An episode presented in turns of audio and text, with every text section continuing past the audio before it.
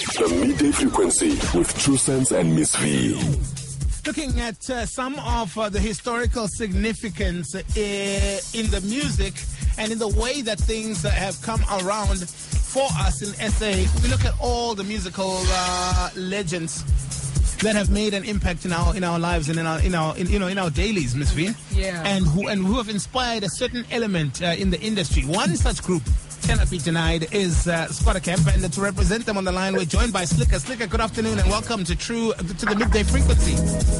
What's up? How you guys doing? Easy, man. Welcome to it, uh, fam. We want to get straight into it. Uh, when did you record Umoya? And tell us about the studio session because I know the excitement behind that. Uh, once you guys had heard you finished the song, before you even realized the impact of the message, tell us about it. Um, it was a weird song actually that was recorded. It was um, we got like all these beats, and you can imagine at that time, if you listen to Maya today, it wasn't like a typical rap. Yeah, of course. You know what I mean? No doubt. And the drums and everything else, it was just wasn't normal, you know. But these guys, Semitone, they always used to give us these different beats. Yeah. So Osilo Nemesis literally started the song, and he just started with his own voice, Mm-hmm. and he was just saying Umona, you know, Umona, you know we're blowing up, and a lot of people were hating or whatever. So his thing was like Umona, Mona. He was just saying that, you know, Like a chant. and then yeah, you know, and, and I came and I came in the house. That was before everything else. And I came in the house and I was like, nah, you know, we got to change it up and we got to say umoya. You know, we don't want to talk about hate. It sounds like something else, you know. Okay. So it was like umoya. So it moved from umona to umoya, and um, and like the thing that when we started writing the lyrics to umoya, the story was about how how people are going to feel the impact when we arrive, you know, type thing. Because even rap wasn't big at that time. Yeah. So for us, it was a constant battle to say, pay attention to rap because when it arrives, it's going to be a big thing, you know? Like a, like and we were, hurricane Skwatta. exactly, and we were prophesizing, as you can see today.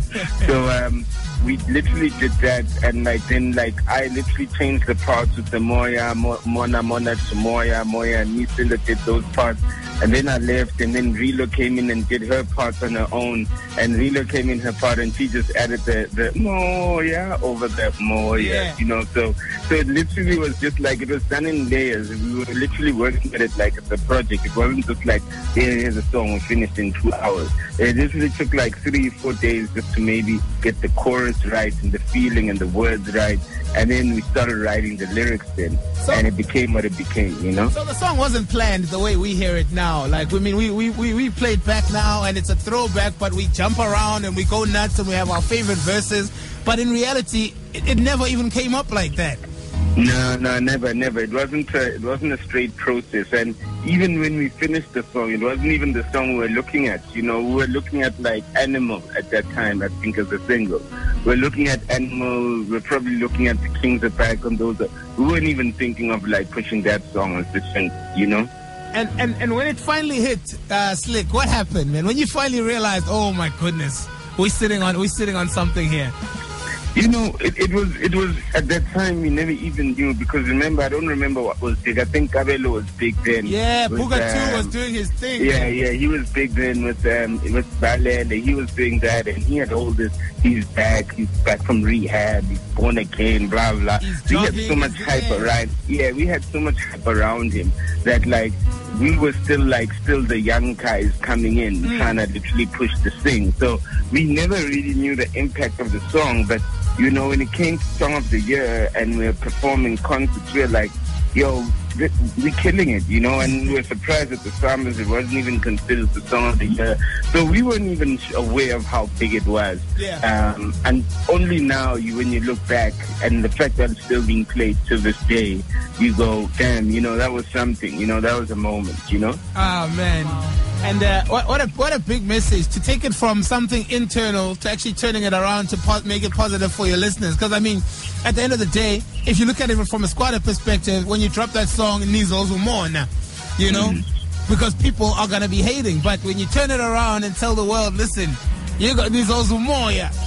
That's us, Exactly, and that's yeah. how that's how we're coming through. Slikour man, listen, always a pleasure wrapping it up with you, especially now that we know what really happened in the studio that day. yes, sir. Yes, sir. Yes, man, sir. please intro the track for us, man, and thank you so much for spending time on the message. Yo, Slikour um, from Skwatta Kamp and from Slikour on Live.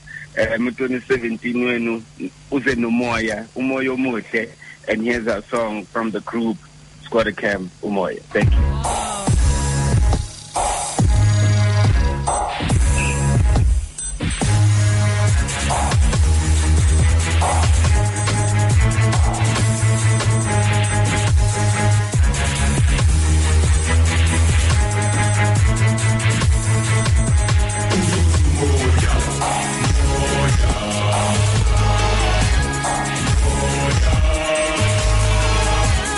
Midday frequency, 12.30 to 3 p.m. Weekdays on True FM like no one else.